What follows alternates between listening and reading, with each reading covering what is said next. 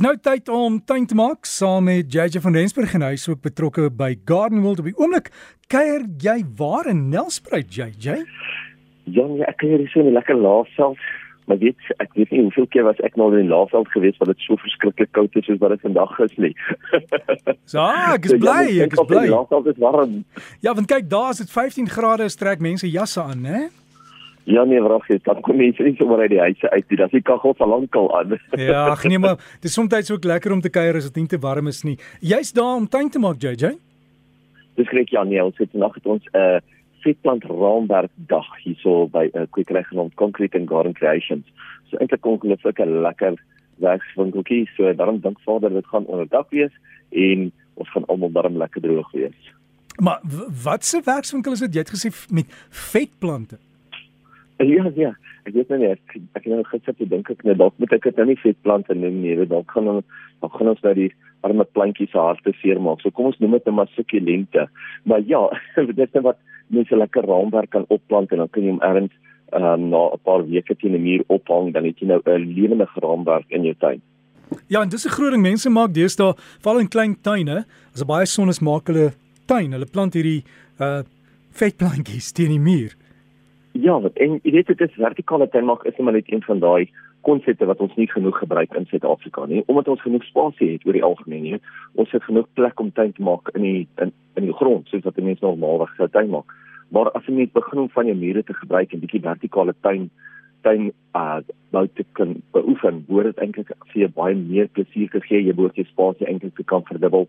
So dit is 'n ander konsep wat eintlik baie goed kan werk. Jy moet die regte plante vir die regte area kies jy weet as jy nou 'n skadu tuin het, dan moet jy net nie vir jou gaan vetplante logies op 'n raamwerk plant nie, maar as jy lekker sonnige tuin het, kan die vetplante baie goed werk. Maar ek was nou onlangs was ek by een van die groot maatskappye gewees en hulle het 'n drie verdieping hoë muur gehad wat hulle net vol varings en tropiese plante gehad het wat teen teen die muur uitwas. Jy weet weer eens 'n enorme vertikale tuin maar wat verskriklik mooi gelyk het. Hmm. En JJ die groot geheim daar is jy water die boonste plante wanneer jy nat gooi?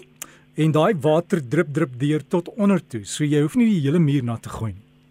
Dit is 100% net so. So wat mense daar so 'n grondmengsel moet jy eh, moet reg wees sodat hy wel die water dwarsteer kan versprei.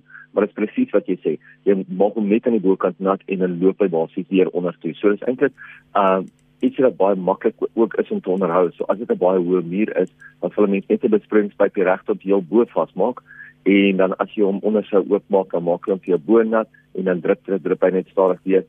So ja, dit weer eens die tipe plant gaan net bepaal van hoeveel water mens gaan gooi. Weet as dit vir plant en sukulente is, dan moet mense eerder probeer om uh, minder water te gooi as wat mense in logies met varings en tropiese plante sou gebruik het. So dit hang alles aan watter tipe plant jy gebruik, hoeveel water jy gooi en ook natuurlik hoe dik hoe diep die, die grond moet wees, uh, hoe ryk die grond moet wees en en en. Jou lys daar met van die goed wat ons nou in die tuin moet doen JJ met met al die reën ons gaan miskien nie kan buite kom nie maar ons kan beplan hè dit is definitief. Jy weet Erik, maar dit is ook nie net die reën nie, die verskriklike koue wat ons hierdie naweek oor meeste van die land het. Is al baie mense wat skielik hulle plante nou wil toemaak. Uh, ja, jy weet mos almal wag altyd vir die plante om vir die koue om eers hier te wees voordat hulle dit begin toemaak. Jy weet, min mense maak dit of dit nie mense min mense, maar nie almal maak hom voor die tyd toe nie.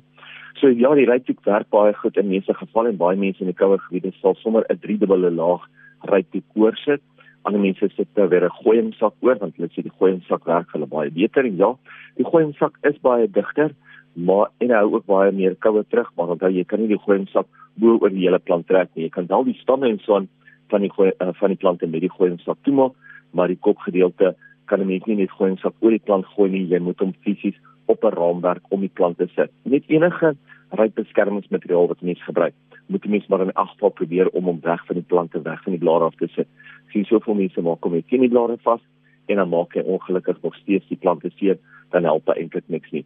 Baie mense op plase en mense wat toegang het tot veldgras, gebruik ook dat die veldgras om die plante toe te maak. Nou as jy vra, hoe kan mens veldgras gebruik?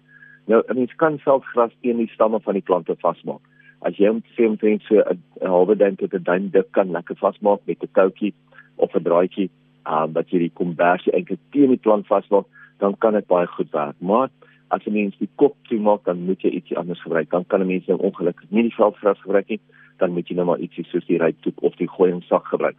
Maar veldgras werk teen die stamme baie goed en baie mense maak net die stamme van die plante toe. Want vir die algemeen is dit die stamme wat die koudste kry en die stamme wat weer lekker vinnig gaan uitgroei. So as die kop sou seer kry, dan is hy op nou hy stam dan nog lekker sterk en dan is hy nog mooi gesond en hy kan lekker vinnig uitgroei. So ja, jy kan of ry ry toe of gooi in sak of self gras teen die stamme ook vasmaak. Word ook nou tyd om die struike te verplant en ek het so 2 weke gelede het ek dit genoem, maar vandag gaan ek 'n bietjie meer in detail dit behandel. Ek wys ook môre toevallig in die koerant oor die regte manier om jou bolle op te breek en te verplant. So as jy van julle wat die Sondagkoerant kry, gaan kry ons sommer gaan kyk bietjie daar sal ook die video weer eens ons op die sosiale media plaas.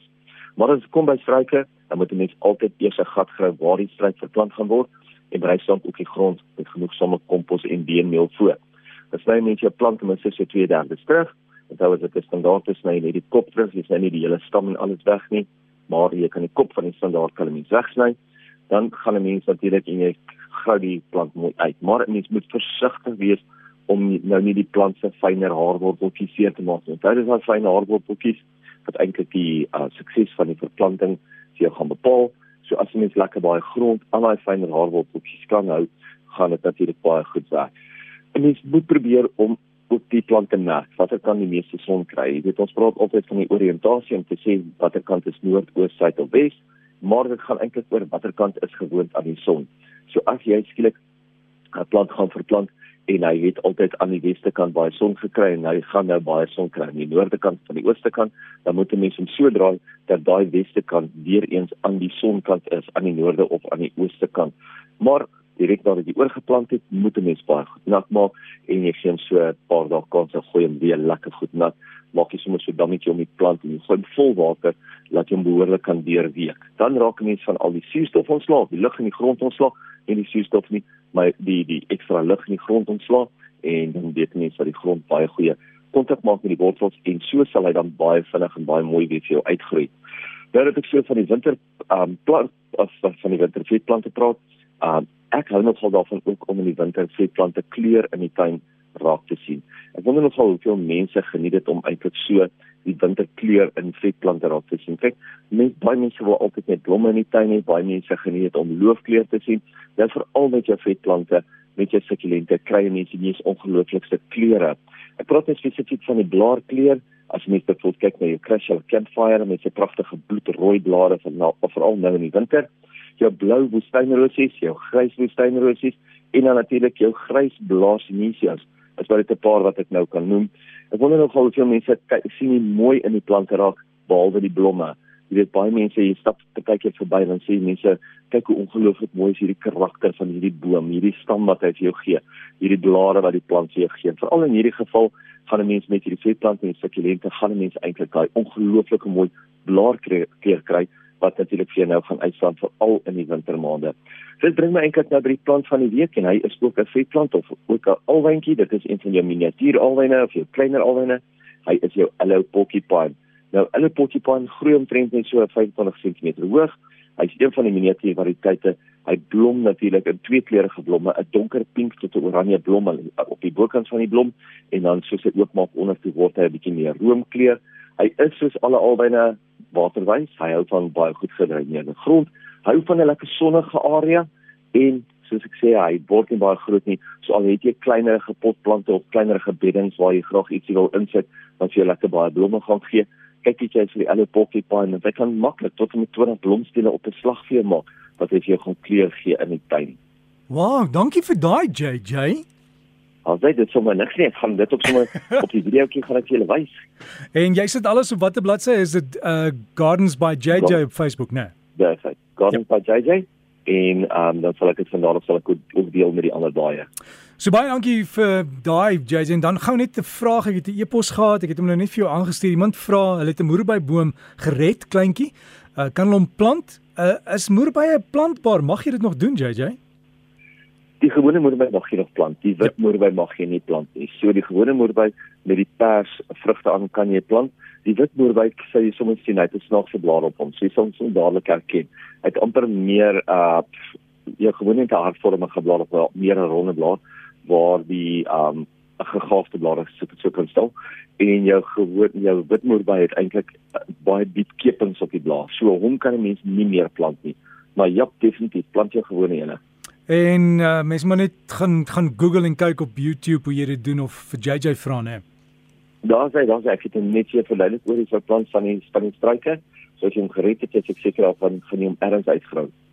Sê so gesels ons dan met JJ Jans van Rensburg en hy's uh, daar op die oomblik in Nelspruit en JJ sterkte met jou kursus daar en ek hoop uh, dit gaan ook lekker reën want ons het tog die reën nodig om die damme vol te kry.